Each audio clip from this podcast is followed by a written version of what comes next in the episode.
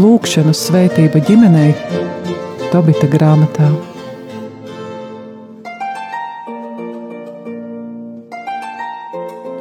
Kristus augšām cēlies. Patiesi augšām cēlies. Studijā Stela un Anģela. Kā turpināsim ceļojumu jau kopā ar Tobiju un skatīsimies, kas notiek ar viņa tēvu Tobitu. Un pabeigsim lasīt Tobita grāmatas piekto nodaļu Varbūt sāksim arī sesto, taču pētīsim tajā gaitā, kādu Dievs mums dod, jo viņam laiks kā tāds nepastāv, un mēs varam pat pabeigt grāmatas lasīšanu nākamajā sezonā, bet šodien mēģināsim skatīties, kā tad notiek tas ceļojuma sākums, jo iepriekšējā reizē lasījām, ka Tobits īstajā brīdī atcerās, ka tur pie viņa cilts brāļa gabaliela viņam ir, izrādās ļoti lieli līdzekļi, bet tie līdzekļi ir patālu. Un tie tur ir atradušies 20 gadus, un izrādās, ka tas varētu būt pārēķinot mūsdienu svaru mērvienībās ap 250 kg sudraba.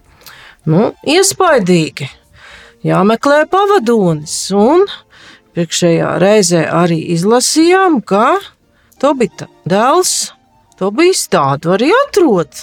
Ir atnācis durvju priekšā, un teksts jau mums paskaidro, ka tas jauneklis ir eņģēlis Rafaels, kuru vēl iepriekš lasījām 4. nodaļa, kad Dievs viņu sūta pie Tobija, pie Tobita un Tobija, jo lūkšana ir uzklausīta.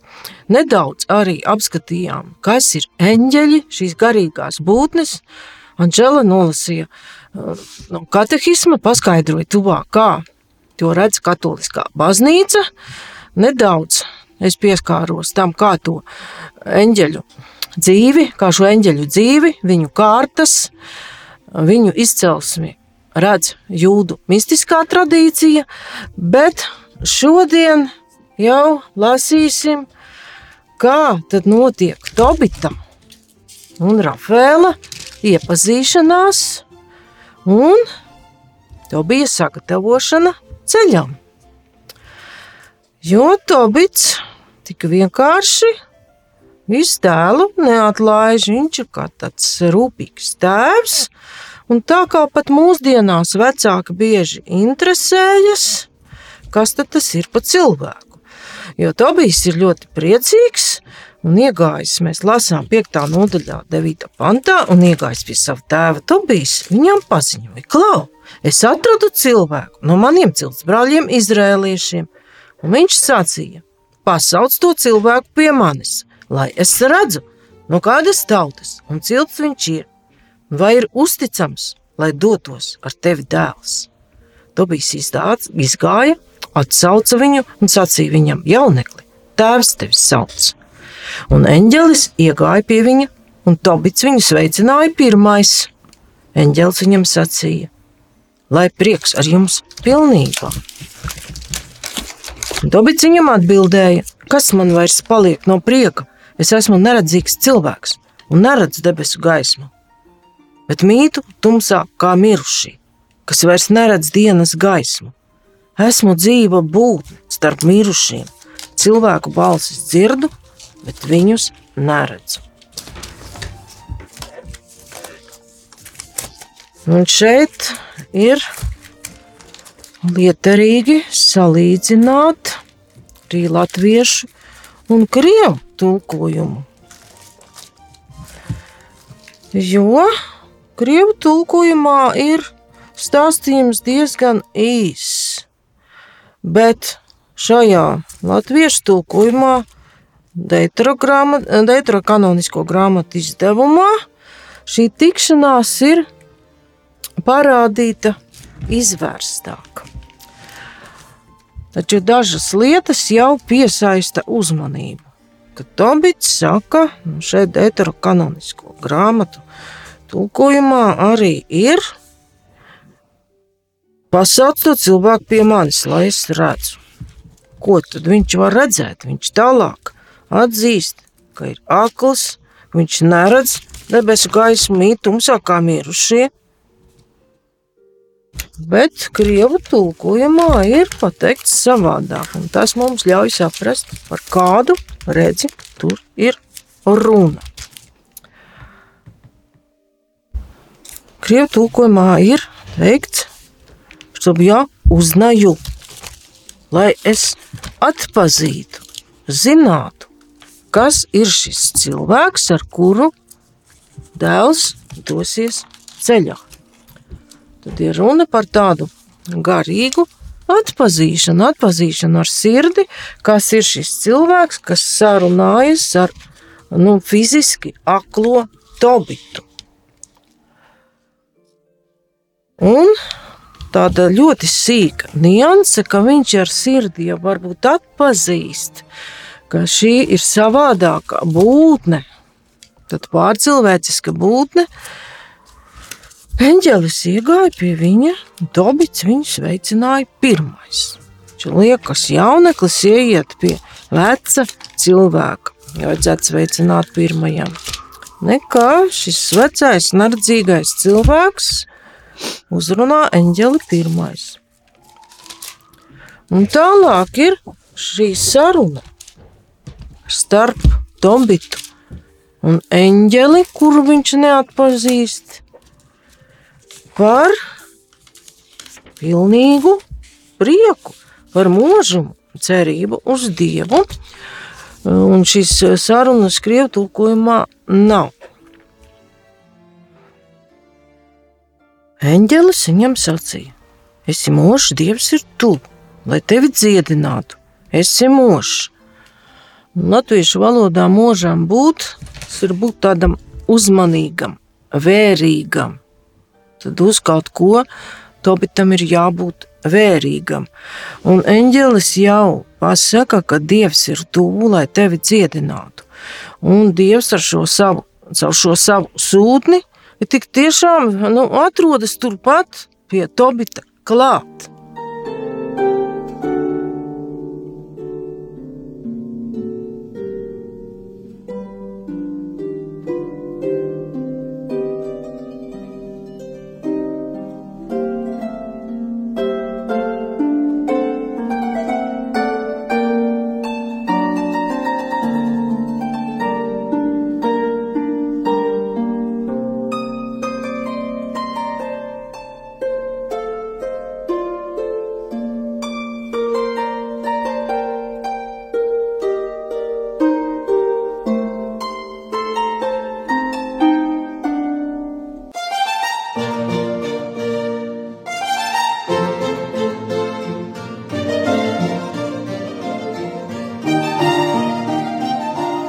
Lūkšanu svētība ģimenei Tobita grāmatā.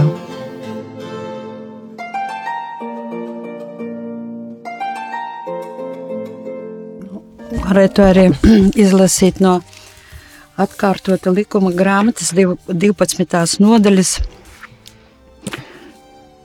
Vieta, kur kalpot dievam. Ja? Šie ir likumi un tiesas, kas jums jāpilda zemē, ko kungs jūsu dievs dot jums iemantot visas dienas, ko jūs dzīvojat tajā zemē. Postīt, nopostiet visas vietas, kur tās tautas, ko jūs padzināt, kalpojošas saviem dieviem, kalnos, augstienēs un zem katra zaļoksna koka. Nojauciet visus viņu altārus, sadragājiet visus viņu elkus, stabus, sadedziniet uguni viņu ašēras, nocertiet viņu dievu tēlus un izdeldējiet to vārdus no turienes. Tādas lietas nedariet kungam, savam dievam, bet gan meklējiet un ejiet uz to vietu, ko kungs jūsu dievs no jūsu ciltiem, ciltiem izvēlējies, lai liktu tur savu vārdu. Arī tāpatās mēs varam runāt, ka tieši Tobits var atpazīt cilvēku, vai viņš varētu kopā iet ar viņu mīļoto dēlu, vai viņš var parādīt tieši to ceļu, kurš nepieciešams uh, dēlam, jā, lai sasniegtu to mērķi, kuri uh, paredz uh, tevs. Tas ir, ka viņš spēja atpazīt, kā iepriekšējā reizē arī tu sacīji, un, un mēs runājam par to, atpazīt cilvēku, kas var dot labu padomu, kuru ir vērts uzklausīt. Un vēl nedaudz varam tomēr pievērsties arī tam priekam, ja lai prieks ar jums pilnībā, nu, uzrunājot aklu cilvēku, mums šķiet, nu, kā jau Tobits vēlāk sūdzās, nu, galīgi nepieņemam, kā tā var runāt, un Dievs ir tuvu. Kāpēc eņģelis runā par prieku? Un tas prieks pats savienojas jau ar jauno derību. Tobits jūtas dieva atstāts. Viņš runā, ka viņš ir kā dzīva būtne mirušo valstībā, viņš ir tumsā. Viņam liekas, ka ir uh, ļoti, ka tas uh, ir tā tumsa ir tik liela, ka dieva tuvums nav sasniedzams. Pēkšņi tāds jaunietis, kuru viņa sirds atpazīst, ka tam var uzticēt dēlu, runā par prieku. Un vēl Dievs ir tuvu, lai dziedinātu kā mēs varam šo dziedināšanu saprast dažādos veidos. Arī atkārtotā likuma grāmatas teksts arī netieši parāda to, ka cilvēks var tikt dziedināts fiziski, un var tikt dziedināts arī garīgi. Kā tur ir minēta šī elku, kalpu, elku kalpošanas vietu nojaukšana. Jo arī cilvēka sirdī var būt tādas elku kalpošanas vietas, kuras ir jānojauc. Un nereti tas ir saistīts arī ar cilvēka fizisko veselību. Čo pilnībā prieks pie mums atnāk jau jaunās derības laikā, un Jāņa evanģēlijā mēs varam lasīt par Jēzu un viņa prieku, kādu viņš grib dot saviem mācekļiem. Jāņa evanģēlis 16. nodaļā, 24. pantā, kungs saka saviem mācekļiem: Līdz šim jūs neko nesat lūguši manā vārdā. Lūdziet, tad jūs dabūsiet, ka jūsu prieks būs pilnīgs. Un Tobits arī lūdza, un eņģēlis Rafēls, šis jauneklis, kurš vēlāk daļai patiesību par sevi pateiks, viņam arī novēl šo pilnīgo prieku, lai ir pilnīgs prieks. Un vēstulē Filipiešiem arī apustulis Pāvils runā par prieku. Vēstule Filipiešiem 4, 1 un 4. pants. Nu tad man mīļie brāļi, pēc kuriem es ļoti ilgojos, mans prieks un vainags, pastāviet iekš tā kunga, jūs mīļie. Šeit apustulis Pāvils runā par saviem brāļiem, ka tie ir viņa prieks un arī nu, vainags, ka ir, viņš ir tomēr laimīgs par viņiem. Nu, var teikt arī lepojas ar viņiem. Un 4. pantā apustulis Pāvils aicina priecājieties iekšā kunga vienmēr.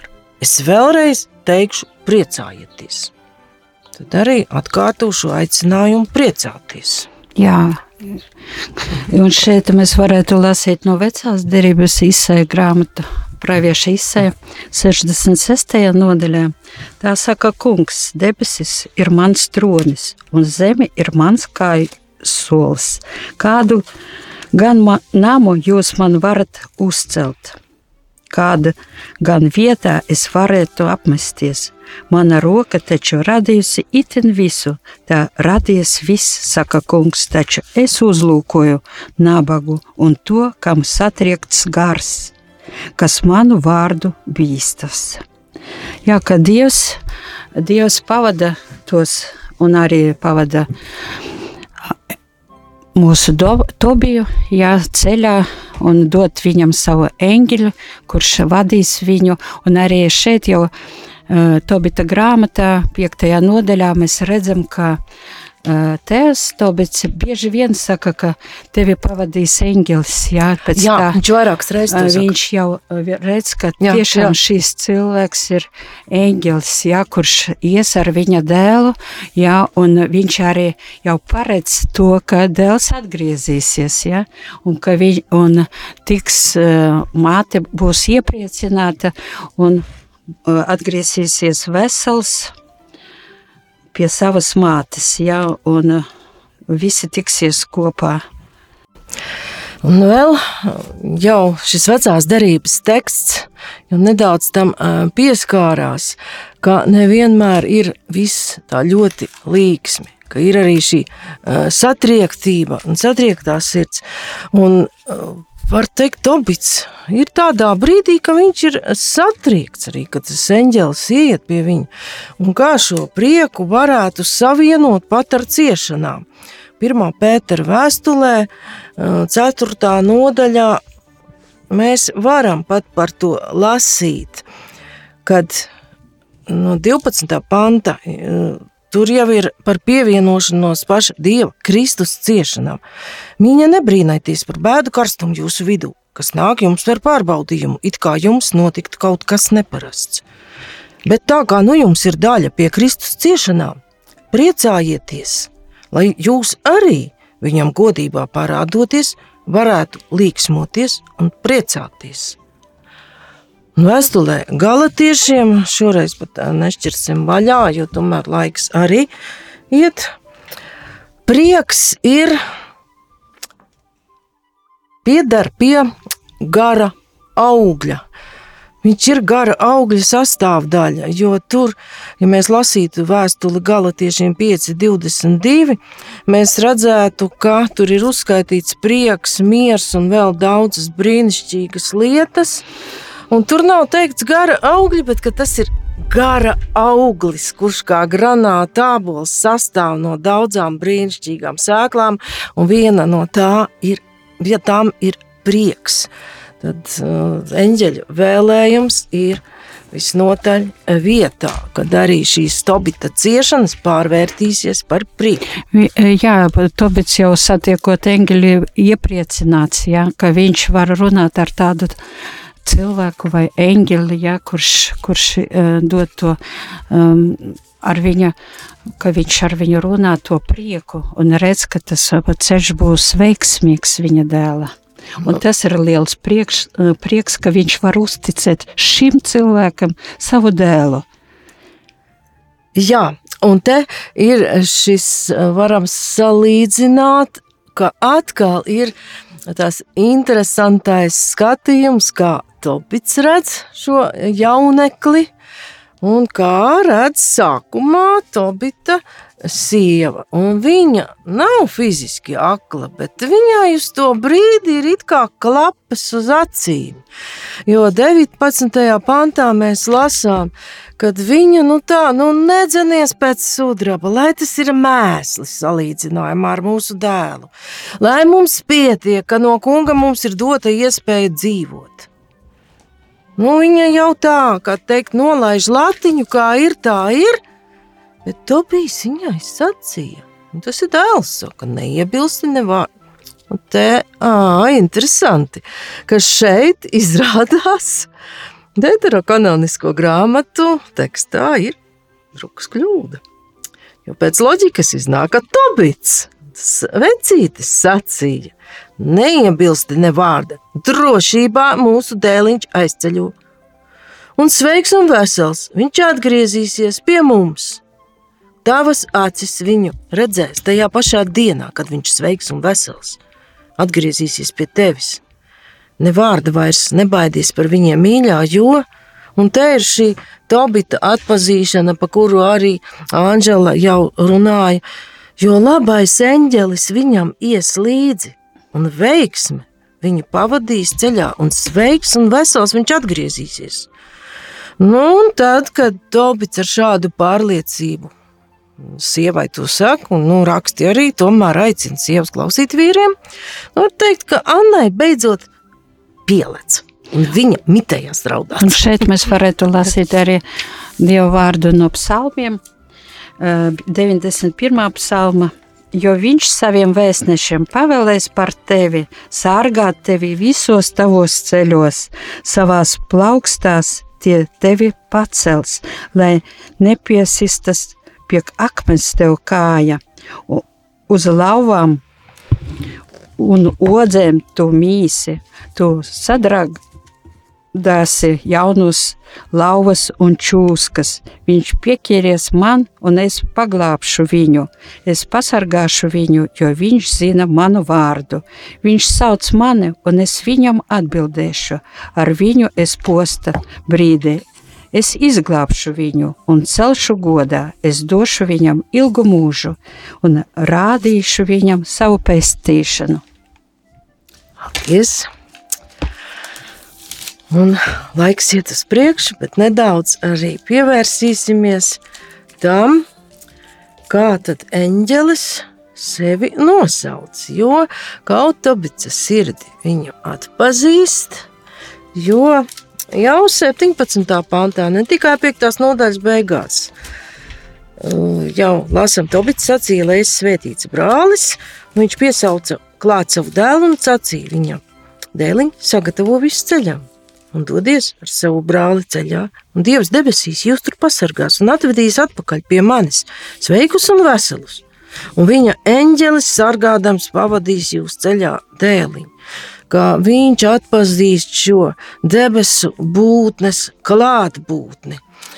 Bet tomēr tā cilvēciskā prasība paliek, no kādas cilts tu esi, kā tevi sauc, jo nu, šādam izradzētās tautas pārstāvim, sūtot savu ģimenes locekli tālā ceļā, bija svarīgi, lai viņš iet kopā ar kādu no viņa tautas, arī ar viņa ticības pārstāvi.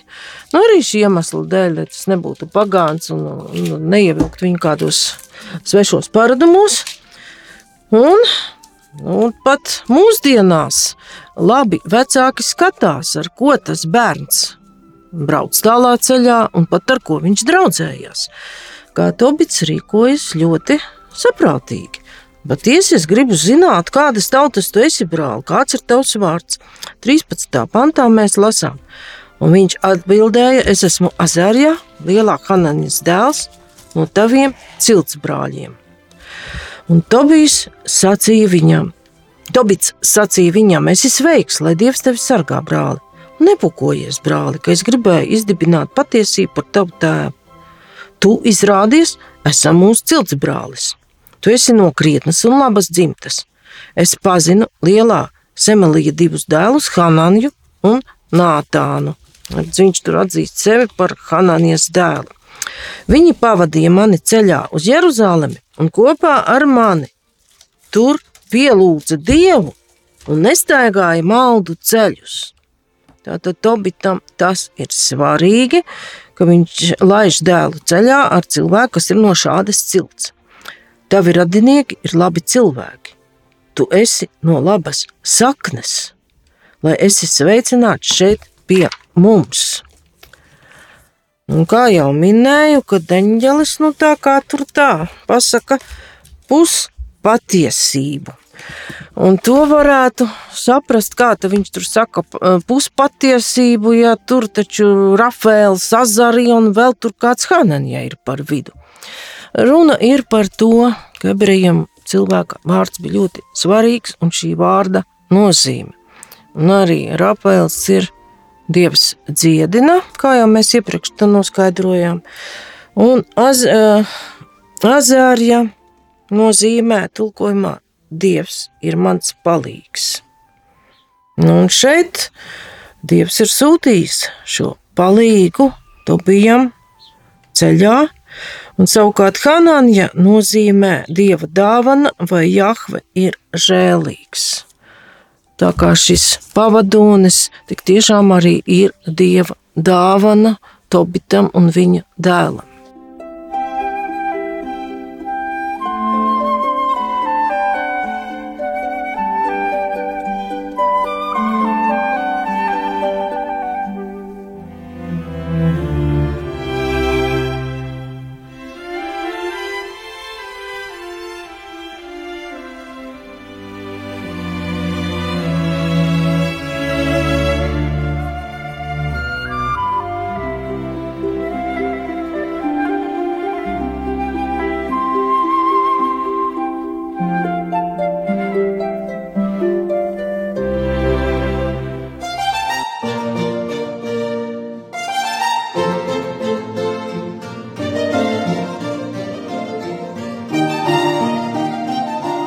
Lūkšanu svētība ģimenei Tobita grāmatā.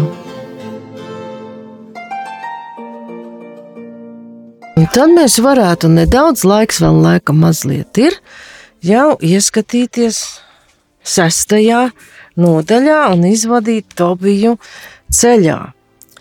Tad, tad dēls izgāja un aizgāja līdz ar viņu, un suns iznāca viņam līdzi un aizgāja ar viņiem, un viņi divi tā gāja līdz ceļā. Uznāca nakts, un viņi apmetās nakšņot pie Tigrinas upes. Paldies! Jau sākam iet ceļā. Un nes kāpēc tur ir minēts arī tas suns, krievu valodā. Suns tulkojumā nav pieminēts. Un mēs it kā domājam, nu kā tur suns varētu gadīties, jo nu, ebreji uzskatīja suņus par tādiem sliktiem, plēsonīgiem un nešķīstiem dzīvniekiem.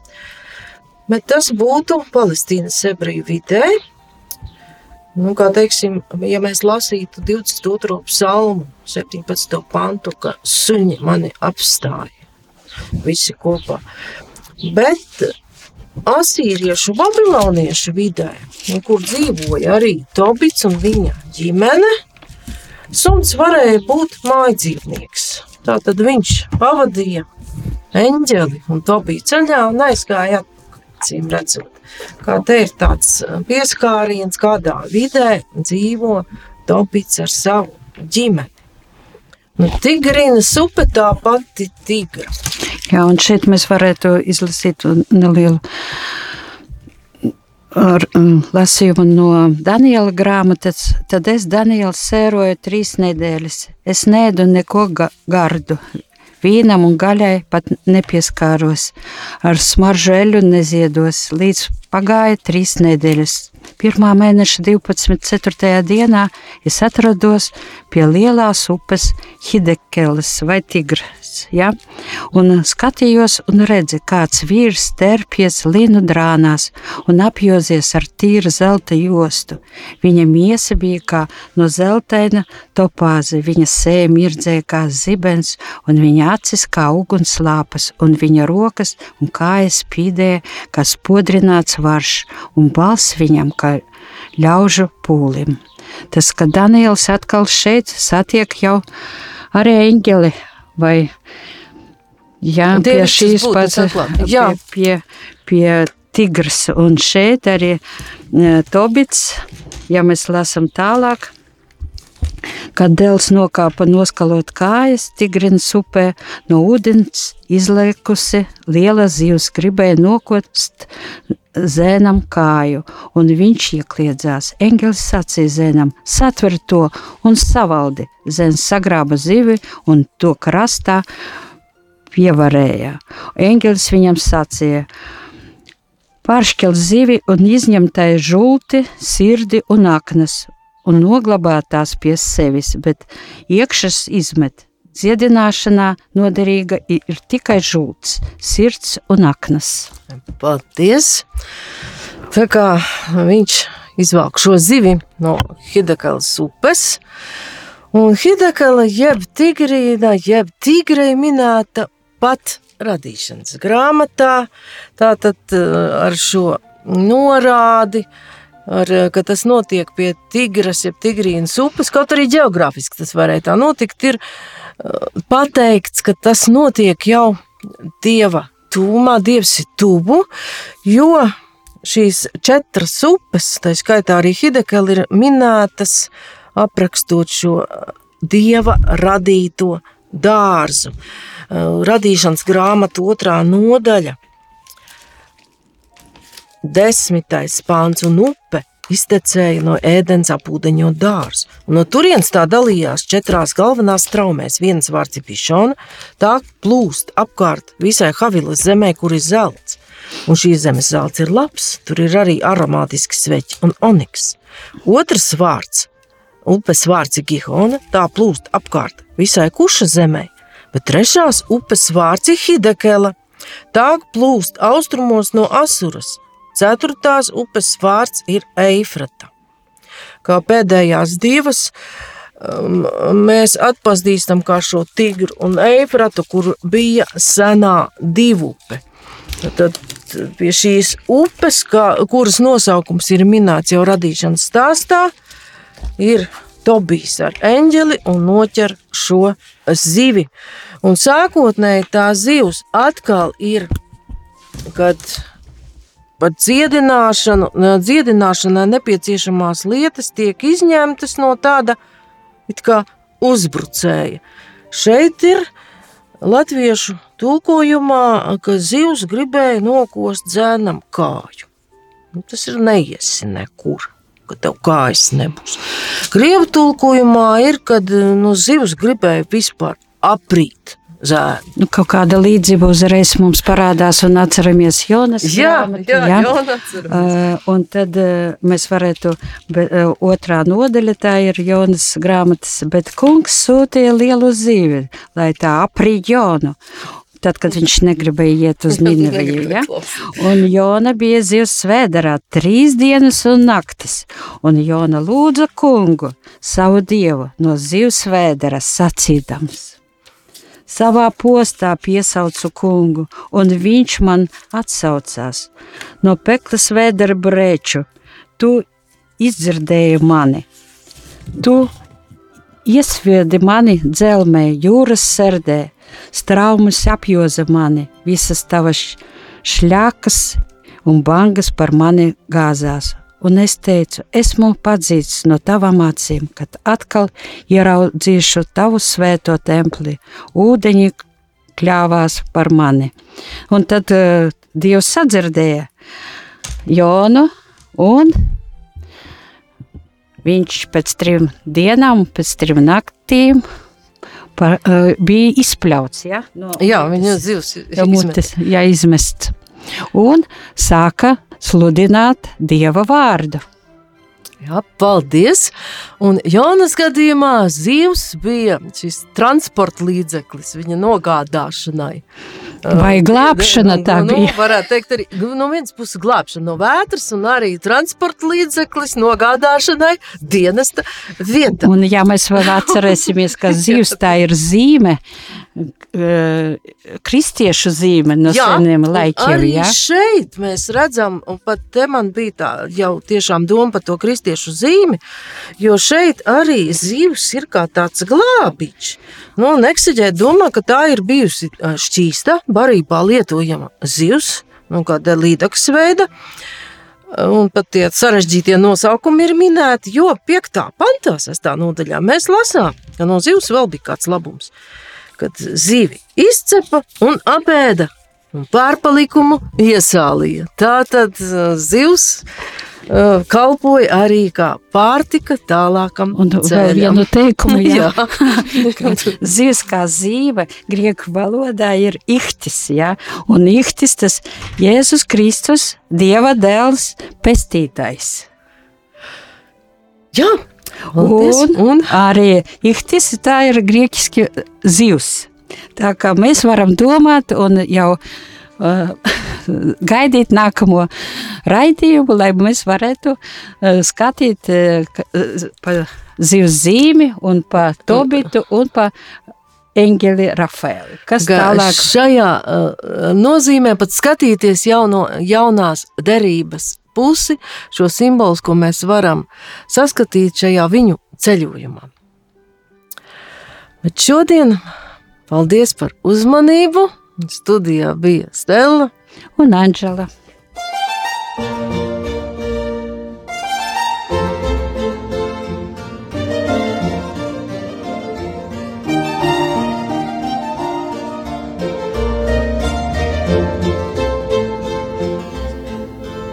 Izskanēja raidījums Lūkšanas svētība ģimenei Tobita grāmatā.